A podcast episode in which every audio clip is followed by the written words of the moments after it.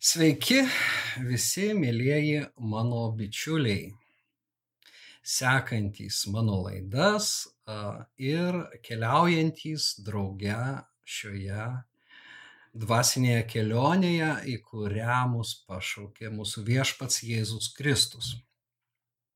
Turiu šiek tiek paaiškinti, kodėl du mėnesius nebuvau eteryje Ir iš tiesų keliais žodžiais pristatyti ateinančias laidas, nes dabar jau planuoju, pradėdamas šią laidą, kalbėti kartą, bent kartą į dvi savaitės, kaip ir anksčiau. Na, o šį dviejų mėnesių laikotarpį aš skyriau a, vertimui. A, tikriausiai ne vienas žinote, jog dirbu prie naujo ekumeninio naujojo testamento vertimo iš senosios graikų kalbos. Ir a, iš tiesų jau užbaigiau apaštalo Pauliaus laiškus ir šiuo metu atlieku galutinę redakciją. Ir a, po konferencijos tėvo namuose, skyriau tam daug savo jėgų ir tebe dirbu intensyviai. Gera naujiena ta, kad Lietuvos Biblijos draugija planuoja išleisti korpus Paulinum atskirų leidinių dar iki pasirodant visam naujajam testamentui. Taigi jūs turėsite progos iš tiesų um, perskaityti, uh, paskaityti mano komentarus, parašyti, uh, kaipgi jums skaitosi ir, na, kokie įspūdžiai skaitant naująjį vertimą. Tai va, tai pagrindinė priežastis, dėl kurios aš iš tiesų dariau tą pertrauką, na ir kita suprantama, kad po konferencijos man reikėjo kažkiek atsigauti.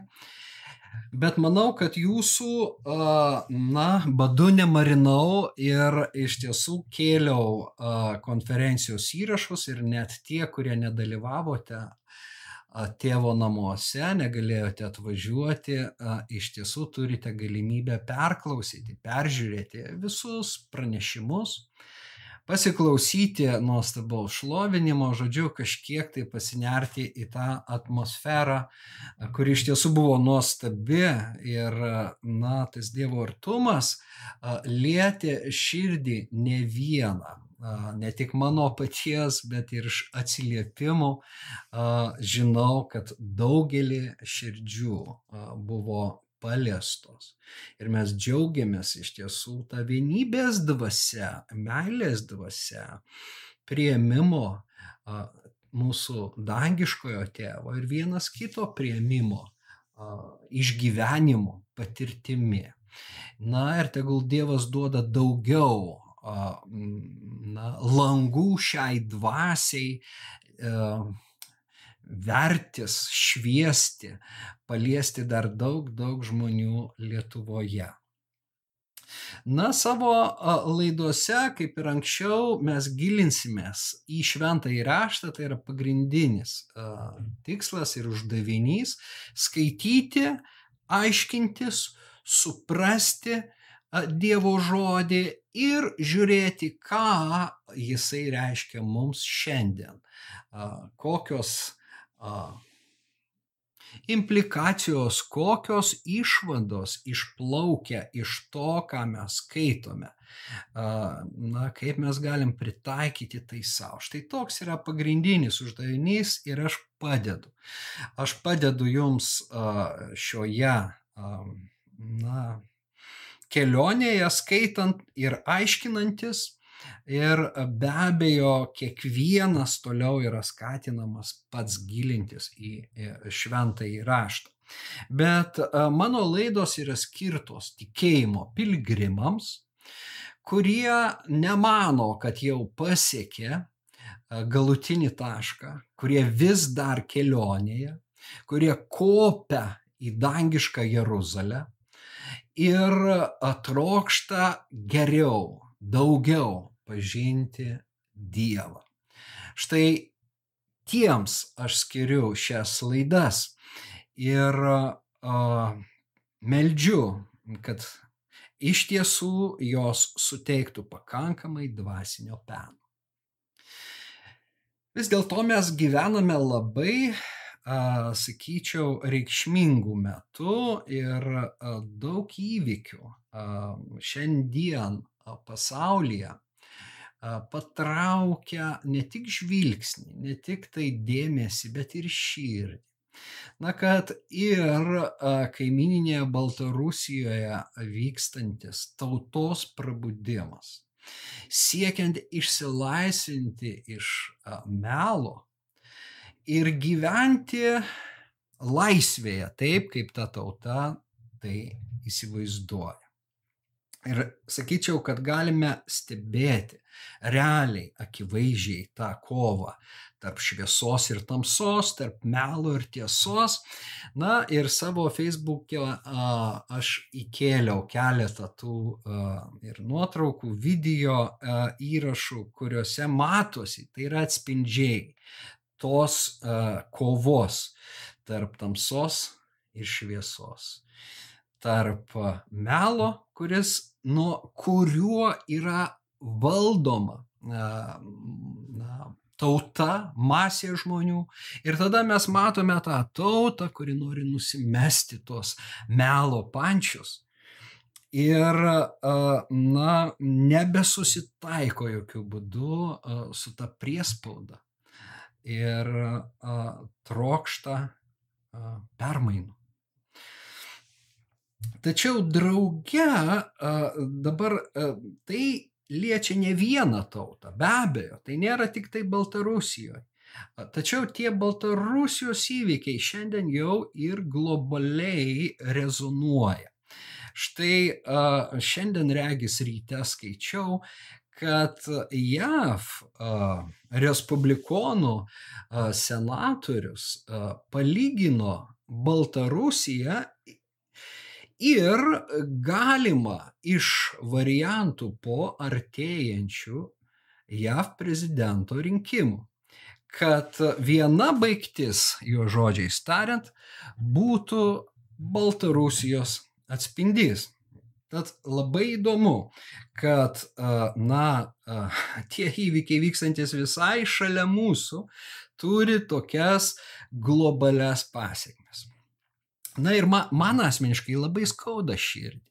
Aš pergyvenu dėl tų baltarusių, dėl žmonių man pačiam yra nekarta tekę lankytis bažnyčiose ir, na, galvoju, kaip jie, kaip jiems dabar šiuo metu ir ne tik jiems, apskritai visai tautai, tiems žmonėms skauda dėl jų širdį.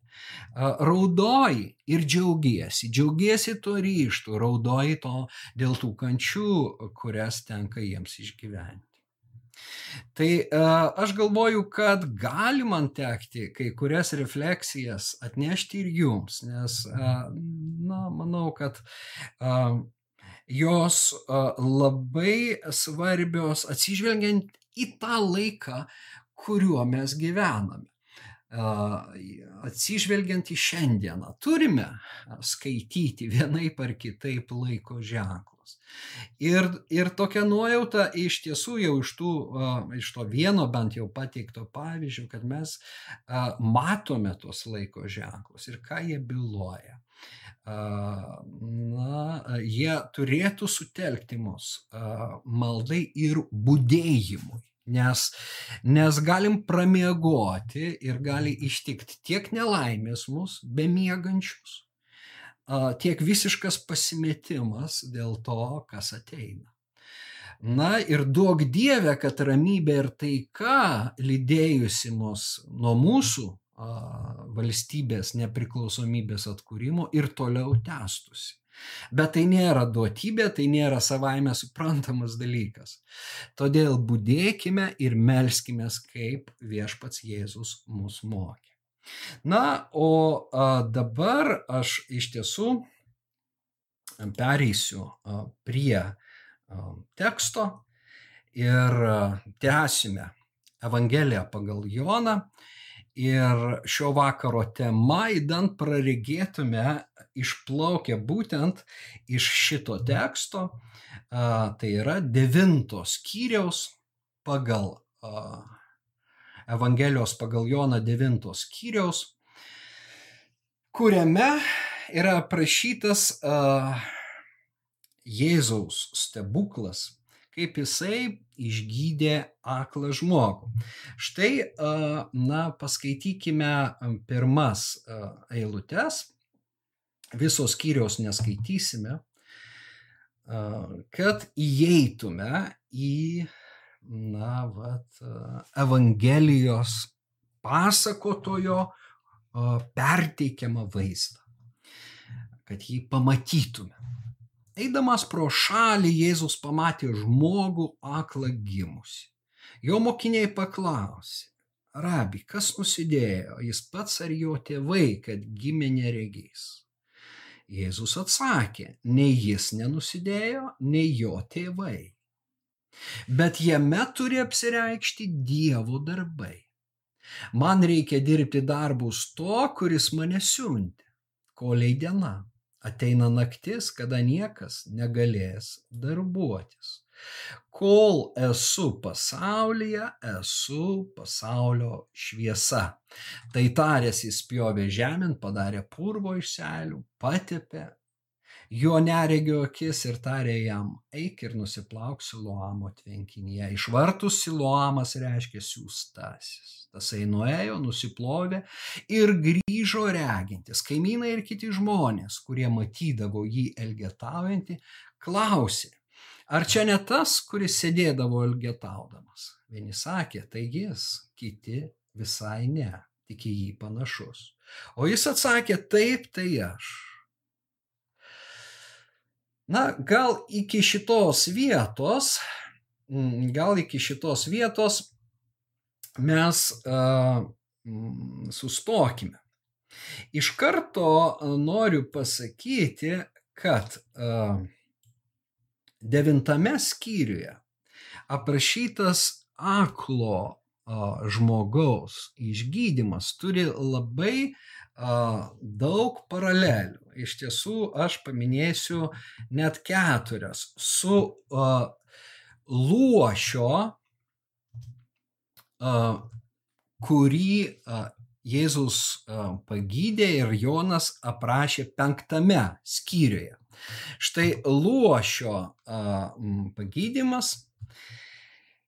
Ten uh, šitie du žmonės yra labai panašus jie visiški ligoniai. Tai pirmas panašumas. Ten mes turime 38 metus sergantį lošį, kuris pats negali vaikščioti. Ir šiame skyriuje mes turime nuo gimimo aklą žmogų. Reiškia, abu beviltiškai serga. Kita paralelė. Abu išgydymai įvyksta šabo dieną kuomet pagal judėjų paprotį gydyti draudžiama. Abiem atvejais Jėzus aiškinasi. Nors pagal paprotį gydyti draudžiama, tačiau jisai sako, ten jisai sako, mano tėvas darbuojasi likščioliai ir aš darbuojuosi. Sūnus nieko negali daryti iš savęs, o vien tai, ką mato darant tėvą. Na, o čia į mokinių klausimą, kas nusidėjo jis ar jo tėvai, jisai atsako nei vieną, nei kitą, bet jis yra toks dėl to, kad jame apsireikštų Dievo darbai. Taigi jis pasiruošęs dirbti Dievo darbą ir Dievo darbas vyksta šabo dieną, kitais žodžiais tariant, judėjų tuo metinė na, ir šiandieninė tradicija nesutalpina to Dievo kuris yra tikras Dievas. Jis veikia ir šabo dieną. Na, e, tai čia antra paralelė, trečia jau. Ar ne?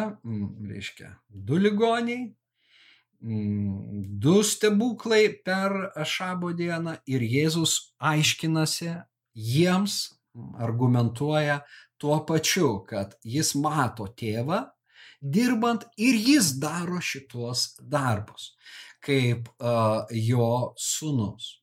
Ir abiem atvejais, tai jau ketvirtas panašumas, tai sukelia judėjų pasipiktinimą. Veiksmas vyksta Jeruzaliai ir vienu ir kitu atveju. Ir aišku, ten mes turime, na, e, judėjų elitą. Ir tai iššaukia, na, jų nepasitenkinimą. Ir penktame skyriuje Jonas rašo, kad jie buvo nutarę, jei kas tik išpažintų Jėzų esant Kristų,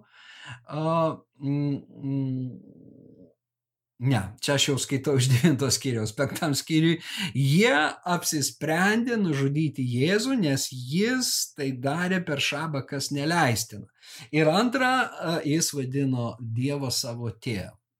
Na, o čia mes skaitome, kad jei kas tik išpažintų Jėzų esant Kristų, turėtų būti pašalintas iš sinagogos. Kitaip tariant, pasiekmių a, turėjo susilaukti tiek gydytojas, tiek tas, kurį jis pagydė. Vienas, na, pasitiko savo kryžių ir buvo nukryžiuotas už tuos darbus, o kiti turėjo atlaikyti spaudimą, pasipriešinti, sumokėti tą kainą, galim taip sakyti. Na, būti atskirtiems nuo bendruomenės, išmestiems iš bendrijos. Nes sinagoga, pats žodis iš tiesų reiškia na, bendruomenė, suėjimo, surinkimo vieta, e, na, iš tiesų eklesijo, bažnyčia yra kaip ir sinagogos tesinys. Taigi išgydytieji turėjo na, sumokėti atskirtimi už tą pasveikimą, o jų gydytojas savo gyvybę. Vis dėlto, jeigu mes jau pastebim, kad yra tam tikrų paralelių tarp penkto ir devinto skyriaus, privalome pažymėti tai, kad neregys šiame devintame skyriuje labai skiriasi nuo luošių. Ir tai atskleidžia paskutiniai Jėzaus žodžiai ir vienam, ir kitam. Jie tiesiog pasufleruoja, nes paviršutiniškai skaitant to skirtumo tarp tų dviejų žmonių galim ir nepastebėti. Bet luošė Jėzus įspėja, ir tai yra jo paskutiniai žodžiai jam. Štai tu esi pasveikęs. Daugiau nebenusidėk, kad neatsitiktų tau kas blogesnio. Labai keisti iš tiesų žodžiai ir vėl tai tarsi uh, atkartoja mokinių klausimą, kas nusidėjo jis ar jo uh, tėvai, kad jis yra toks. Bet, uh, na, aš minėjęs uh, jau anksčiau, kad panašu, jog tai, ką ketina, uh, na, kaip tai, ką ketina daryti tas buvęs lošys, gali jį įvesti į nuodėmę. O jis iš tiesų iš karto sužinojęs, pradžioje jis nežino, kas jį pagydė, nes, na, tie judėjai, aukštieji judėjai klausinėja, kas tau, tave pagydė, kas tau liepia imti gultą ir vaikščioti. Na, ir jis sako, aš nežinau, jis nežinojo kas. Bet kai tik sužinojo, kad tai yra Jėzus, iš karto vat, po šitų uh, žodžių jisai, uh, na, nuėjo ir pasakė, sako, mm, tai Jėzus, matomai, tai Jėzus iš Nazareto, ai, šitas. Na, tai va, bet žiūrėk, kad tau kas blogesnio neatsitiktų. Viskas, daugiau mes nieko nežinome apie tą lošį. A, tai yra penktos skyriaus keturiolikta eilutė. O štai a, buvusio neregio, kurį jis išgydė, jis ieško. Žiūrėkim, ieško, suranda ir klausia. Štai trys veiksmažodžiai nusakantis Jėzų ir jo santyki. Jau po išgydymo jis ieško, suranda ir klausia, ar tiki Dievo sūnų. O kas jis viešpatė, kad jį tikėčiau? Paklausė pasveikęs neregys, į tai Jėzus atsako, tu jau esi jį matęs, matęs tavo akis atsivėrė ir tu jį išvydai, jis su tavimi kalba, tada jis sušuko tikiu viešpatė ir pagarbino jį. Na, didelis kontrastas, ar ne? Įspėjimas vienam ir, na, tikėjimo atvėrimas kitam. Vienas eina pas žydus ir sako, tai Jėzus mane pagydė. O žinant tai, kad jie vat turi tokių intencijų, labai lengva suprasti, kad, na, jis tarsi atsiskaito. O kitas, nežiūrint to, kad šitame skyriuje vėliau, ką aš jau skaičiau, žydai buvo nutarę, kad kas jį tikės, išpažins jį Kristumi, tai yra Mesijų, bus išmestas iš sinagogos. Jisai išpažįsta, aš tikiu viešpatie ir tampa jo garbintoju. Na štai tokiu būdu du stebuklai ir visai du skirtingi jų gavėjai, jų prieimėjai. Ar nėra taip, kad Jonas pasakodamas būtent šias istorijas užduoda klausimą savo auditorijai, savo pirmajam skaitytojui, į kurį kreipiasi. Ir tai yra ta bendruomenė, Jono bendruomenė gal ir net vėlesnė, gal netgi jo jau pasiekėjų bendruomenė, kuriai tarsi užduodamas šitas klausimas, į kurį šitų dviejų labiau esate panašus jūs. Kuris a, iš tų dviejų atspindi jūsų širdį, jūsų pasirinkimus? Ar esate pasiryžę dėl Jėzaus kesti panieką ir gėdą. Na be abejo, šitie klausimai skamba ir mums, kai mes skaitome, na, tarsi pats Dievas klausia tavęs ir manęs, ar esi pasiryžęs patirti gėdą, atmetimą, atstumimą dėl Jėzaus. Ar žmon, nių pritarimą vertini labiau už tiesą? Ar visgi tiesą brangini labiau nei žmonės? Žinoma, mes visi taip jau sukurti nuo prigimties, mes norime draugauti, mes norime būti drauge su kitais, atrasti kažką bendro, dalintis, būti bendruomenės dalim. Ir vienas skaudžiausių patyrimų yra būti atskirtam nuo bendruomenės.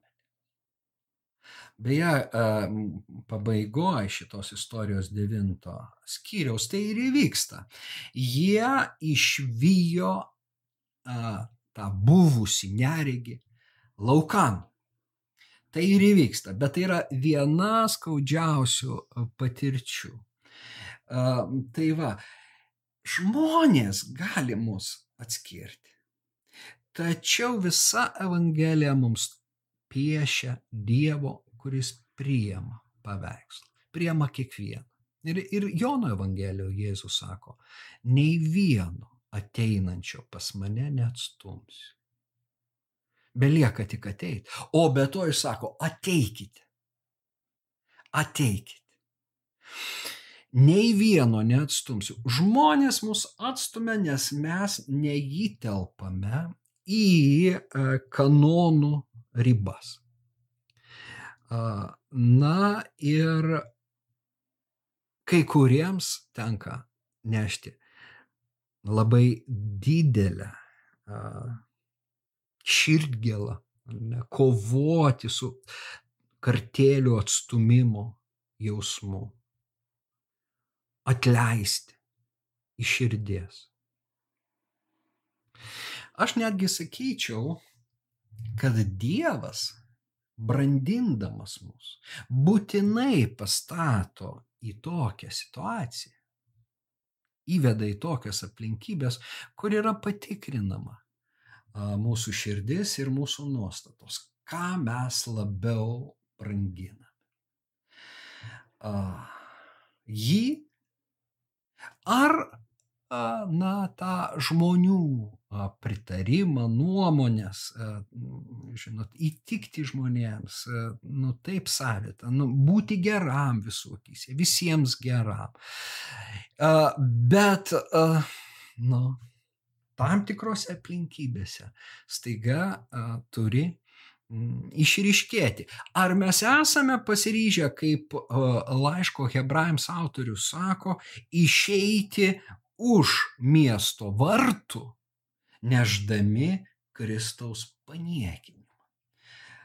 Graikiškas žodis ten gali būti ir gėda, neždami jo gėdą.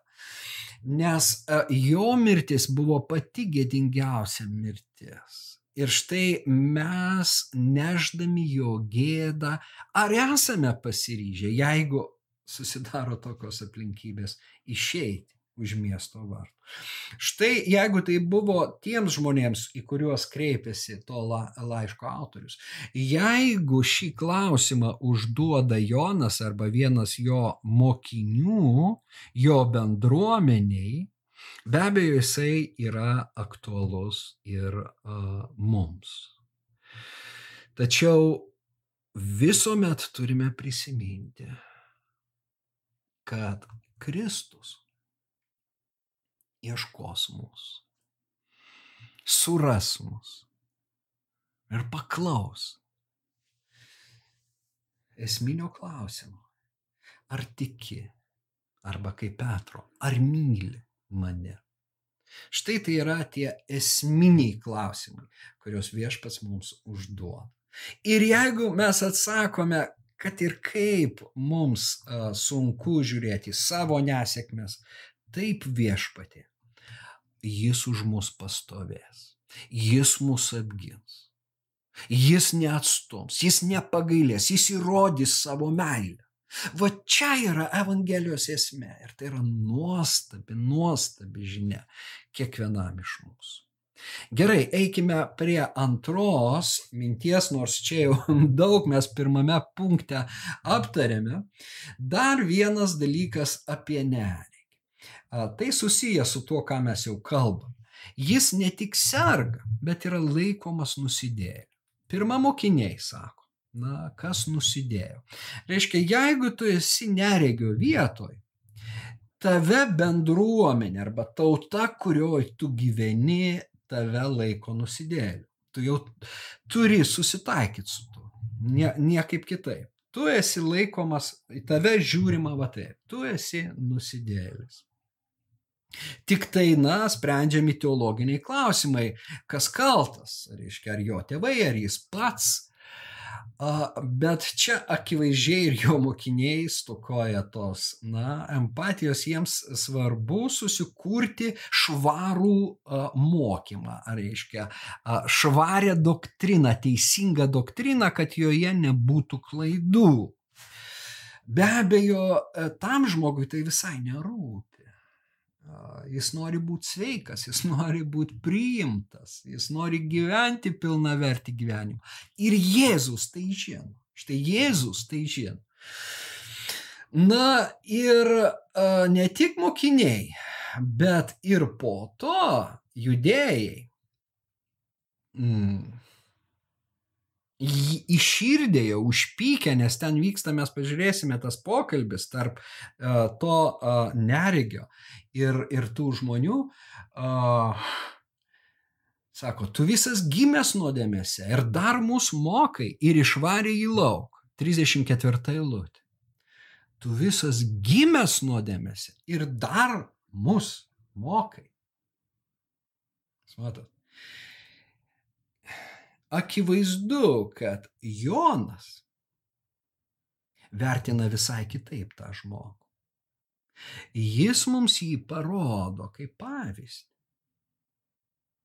O jau tuos, kurie įsitikinę, kad jie negimė nuodėmėse arba ne visai gimė nuodėmėse, parodo mums kaip tuos, kurių turime saugotis. Tirdami savo širdį vėlgi, kurią rolę mes atliekame. Tu visas gimęs nuodėmėse ir dar mus mokai na, kažkas pasakys Gedriau, tu esi nusidėjėlis ir tu drįsti mus mokyti.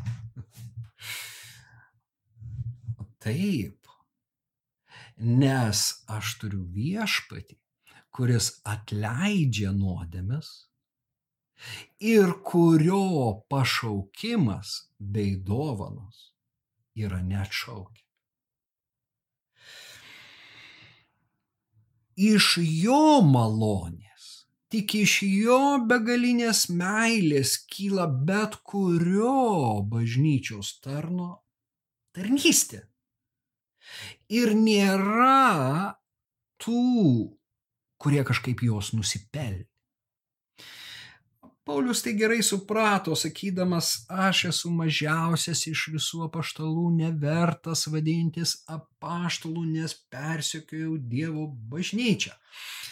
Vėlgi, kai mes žiūrime į Pauliaus gyvenimą, daugelis kalbėjo, jis negali skelbti Evangelijos, juk ją jis griovė tikėjimą jis griovė, jis negali būti apaštalų ir mokytojų.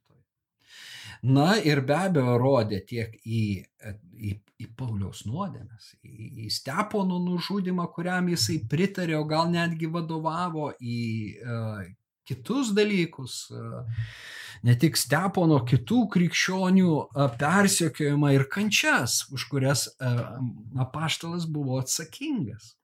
Realiai. Nežiūrint to, Dievas jį naudojo ir ne tik, bet daugiau už kitus apaštalus. Na, tai Pauliaus liūdimas. Bet aš daugiau už juos visus padirbėjau, tiesa ne aš, o jo malonė.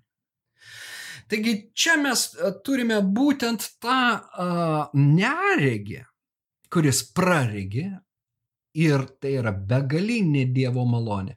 Ir tada turime tuos, kurie jį laiko, na, nusidėliu. Taigi čia slypi rimtas evangelisto įspėjimas. Neleidžiantis nei vienam pasididžiuoti. Neleidžiantis netikinčių žmonių laikyti neišmanėlį. Žinot, kartais man tenka raudonuoti dėl krikščionių, kai aš girdžiu, kaip jie samprotoja, ką jie šneka, dėl jų teologinio neraštingumo, dėl, na, dar grįžčiau pasakysiu, nusišnekėjimo ir fanatizmo. Liūdniausia, tai yra fanatizmas. Tai yra atkaklus tvirtinimas nieko neišmanant. Na, teologijos istorijoje tai įgyjęs fundamentalizmo šitas santykis, na, pavadinimą, bet aš sakyčiau fanatizmas. Na, sektantizmas, galima sakyti, uždarumas, nenoras visai, na, sverti daug dalykų, tiesiog tvirtinimas, nežiūrint realybės savo. Na, Kita vertus, žiūrėk, sutinki ir bendrauji e, su žmonėmis, kurie neišpažįsta bent jau atvirai tikėjimu. Ir staiga taip nustembi, kad jie išmintingi, a, ir dar labiau masto, vadovaujasi krikščioniškomis vertybėmis, mes sakykime. Arba jų gyvenimo filosofija atitinka Evangeliją, atitinka Kristaus mokymą. Paradoksas. Štai paradoksas. Nusidėjėlis išmano daugiau už tą, kuris laiko save šventų teisių benuodėmis. Na ir čia a, a, norėtųsi iš tiesų dabar a, paskaityti nuo 20, kur čia ta, a, taip, 24 eilutė. Skaitome. Tada jie antrą kartą pasišaukė buvusi neregį ir pasakė, šlovink Dievą, mes žinome, kad tas žmogus nusidėlis. tai yra Jėzus. Jis atsiliepia, ar jis nusidėlis, aš nežinau, vieną žinau, buvau aklas, o dabar regiu. Jie vėl klausė, ką jis tau darė, kaip jis tau atvėrė akis. Šis atsakė, aš jau sakiau, tik jūs neklausote. Ką dar norite išgirsti, gal ir jūs norite tapti jo mokiniais? Tada jie išplūdo jį sakydami, tai tu esi jo mokinys, o mes Mozės mokiniai. Mes žinome, kad Mozė yra kalbėjęs Dievas, o iš kur šitas mes nežinome. Žmogus atsakė. Tikrai nuostabu, kad jūs nežinote, iš kur jis. O juk jis man atvėrė akis. Žinome, kad Dievas nusidėlio neišklauso. Bet jei kas yra pamaldus ir vykdo jo valią, tokį išklauso. Nuo amžių negirdėta, kad kas būtų atvėręs aklo gimusio akis. Jei šitas nebūtų iš Dievo, jis nebūtų galėjęs nieko panašaus padaryti. Jie užriko ant jo, tu visas gimęs nuodėmėse ir dar nori mus mokyti. Ir išvarė jį lauk. Oi, kaip čia iš tiesų uh, stipru. Mes matome, uh, na, šitos e, žmonės pilnus pasitikėjimo e, Dievu, jie žino savo konfesinę tapatybę, jie yra e, Mozės mokiniai. O uh, Mozė neklydo, jis davė amžiną įstatymą, kurio jie paraidžiui laikosi. Na, o tu dabar mums aiškini, uh, na, tu pradedi mus mokyti. Uh, ką tu apie save galvoji ir ką tu savo leidži. Tačiau taip kaip Jonas pristato, mes matome, kad šitas neregys yra labai išprūsęs teologiškai. Teologiškai jisai, na, gaudosi. Jis gaudosi. Ir uh, va čia ir yra tas paradoksas, kad staiga pasirodo, kad jis, ger, jis arčiau Dievo karalystės, jis pasiruošęs karalių pagarbinti tos karalystės ir jo mokymą priimti, o jie ne. O jie ne. Štai, na, šitas pokalbis iš tiesų man jie, na, šitas pokalbis primena laišką romiečiams na, pildosi Pauliaus žodžiai. Ir aš jums paskaitysiu iš uh, naujo uh, vertimo. Kai pagonis, neturėdami įstatymo, pagal savo prigimtį vykdo tai, ko reikalauja įstatymas, tada jie, neturintys įstatymo, patys savo yra įstatymas. Jie parodo, kad įstatymo vykdymas yra įrašytas jų širdyse. Tai liudija ir jų sąžinė bei tarpusavio svarstymai, tai kaltinantis, tai pateisinantis.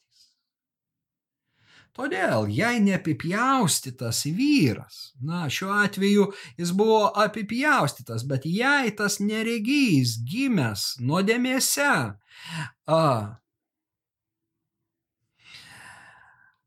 laikosi įstatymo nuostato ir jo neapipjaustimas nebus laikomas apipjaustimu. Tad įstatymo vykdytojas, neapipjaustytas nuo gimimo, teis tave įstatymo pažeidėją, turinti jo raidę ir apipjaustymą. Nes Dabar klausykime. Tai yra romiečiams jau antros kiriaus 28-29 eilutės. Nes judėjas yra ne tas, kuris išorė toks. Yra apipjaustimas ne kūne ir ne išorėje. Ne. Judėjas yra tas, kuris toks slaptoje. Ir apipjaustimas tas, kurį širdyje atlieka dvasia, o ne raidė tokiam pagirimas ne iš žmonių, bet iš Dievo. Na čia vėl visos tos pačios uh, teminės gyjos, pagirimas. Iš ko mes ieškome pagirimo? Iš žmonių ar iš Dievo? Galatams Paulius sako, jei aš stengčiausi įtikti, patikti žmonėms, nebūčiau Kristaus tarnas. Ir kuo mes giriamės? apipjaustymą aš prilyginčiau tam tikrom konfesiniam, tradiciniam nuostatom, kurios skiriasi priklausomai nuo konfesijos. Tačiau iš tiesų ne išorinis gyvenimas, ne išorinis a, bažnyčios a, doktrinų atitikimas bet vidinis, kai dvasios įsileidimas, kai mes įsileidžiame šventąją dvasę, kai mes leidžiame šventai dvasiai darbuoti su mūsų nuostatom širdim, kai mes grūmėmės agonijoje kaip Jėzus, Getsemanės sode, kai mes norim išsilaisvinti iš mūsų slegiančių na, nuodėmių, blogų įpročių, įvairiausių dalykų. Ir sakome, Dieve, tu tai išspręsk, tu padėk. Štai tada mes gyvenam tikrą gyvenimą. Mūsų šir, širdys yra apipjaustomos Dievo dvasios. Nukrenta kažkas, ateina laisvė, ateina pergalė ir tu jau džiaugiesi. Jie. Ja. Toje srityje, kur anksčiau jos nebuvo. Štai tai vyksta su uh, šitais, na bent jau su šituo neregiu, pagydytų neregiu. Ir aš jau einu prie paskutinio, na, punkto, prie paskutinės savo minties, kad čia mes turime iš tiesų devintame skyriuje dar vieną uh, dėsningą visai Jono Evangelijai uh, principą. Kokį? Kad Jėzaus darbus papildo jo pamokymai. Pamokymai papildo darbą arba tam darbui suteikia kur kas platesnę reikšmę. Štai jo atliktas stebuklas iš tiesų mums atveria Evangeliją. Vieną ar kitą dalį.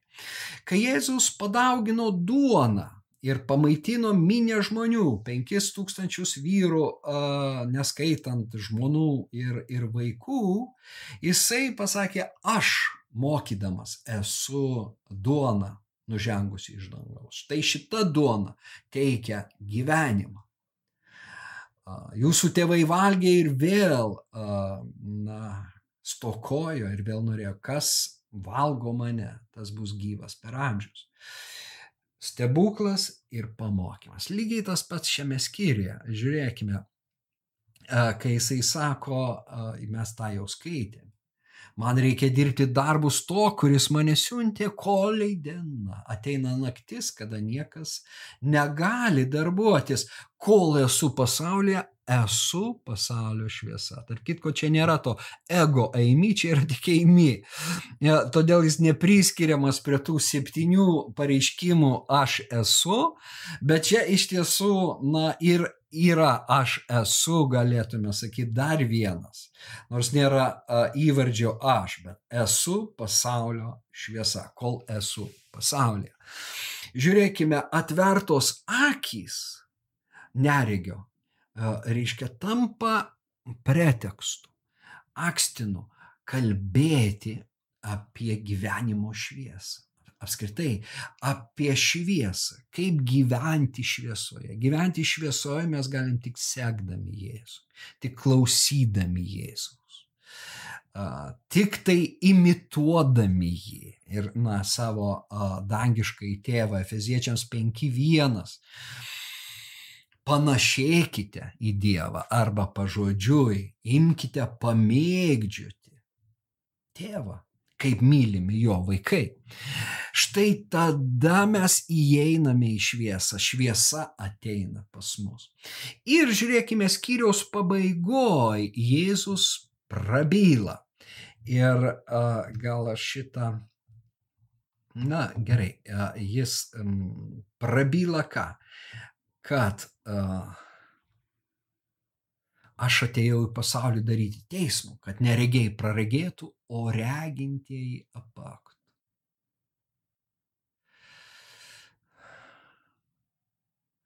Žiūrėkime, čia jau kalbama ne apie uh, fiziškai neregiančius žmonės.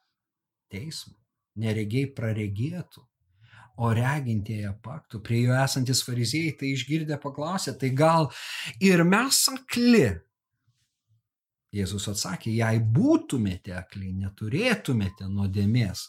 Vėlgi, kiek čia žodžių žaismo yra ten, kas nusidėjo, kad jis gimė aklas.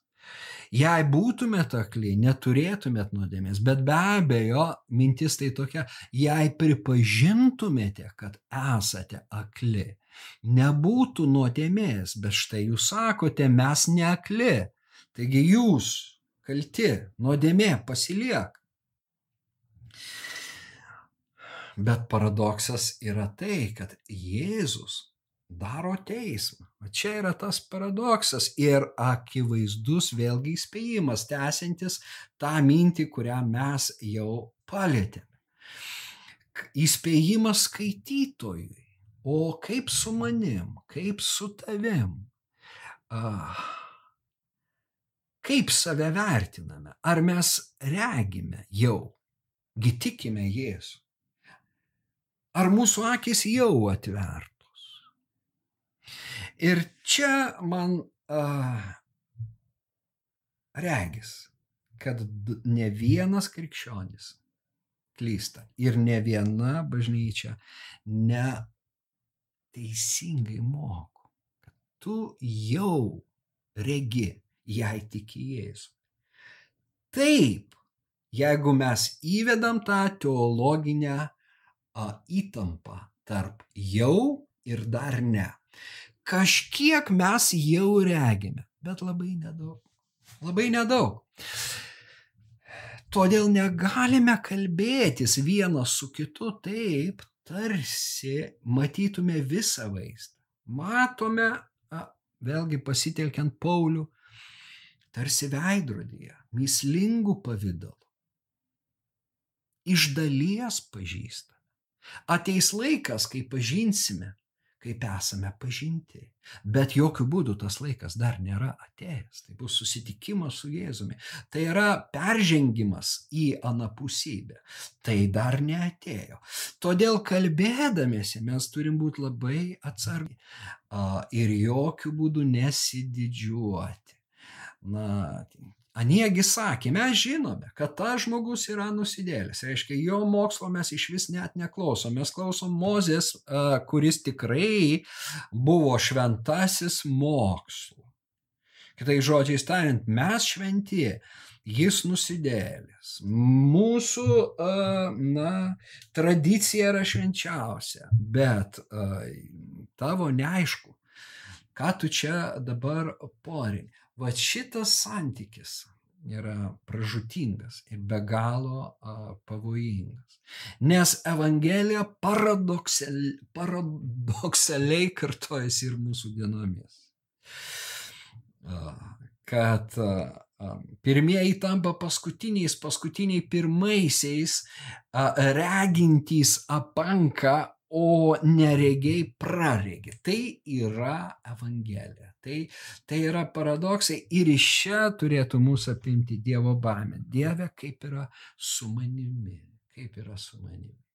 Na ir pabaigai aš baigsiu apaštalo Pauliaus malda laiškė Efeziečiams pirmame skyriuje 17 eilutėje, 17 eilutė pradedant, kurisai sako, jis meldžia, sako, aš a, meldžiu.